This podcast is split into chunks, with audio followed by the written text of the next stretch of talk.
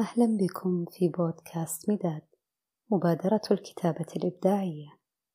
الكتابة عالم موازي هنا نسمعكم صوت الكلمة.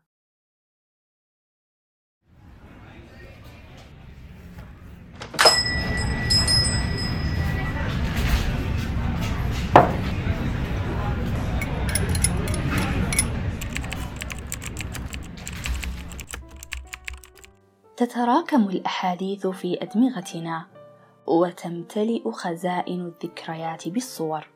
مواقف تصنعنا وقواعد نسير عليها دون وعي منا. تذكرت جملة قرأتها سابقا ورنت رنينا مميزا هذه المرة وهي كالآتي في المواقف الحاسمة تنبع قراراتنا من الأفكار الراسخة بعقولنا. لذا قررت في ذاك اليوم أن أنظر لنفسي ولكن بعين أخرى. أمرت وبكل حزم أن تساعدني ساحرة القصر للتنصل من جسدي. أعطتني زجاجة وأخبرتني أن أشرب منها ثلاث مرات قبل أن أنام. وأعطتني بعض التعليمات الأخرى. استيقظت ظهيرة اليوم التالي وإذ بشعور غريب يسري بأوصالي.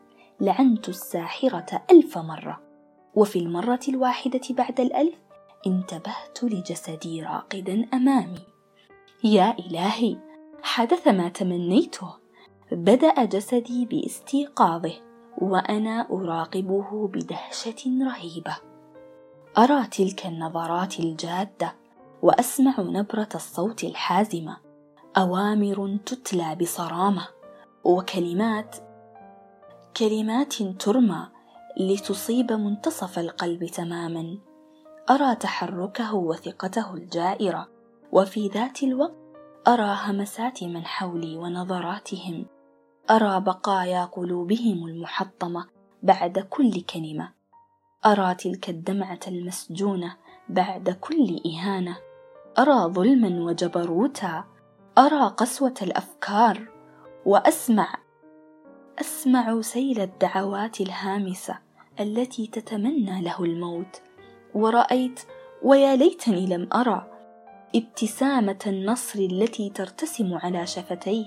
وأي نصر ذاك؟ الظالم النصر؟ انزويت أبكي في مضاجع قلبي.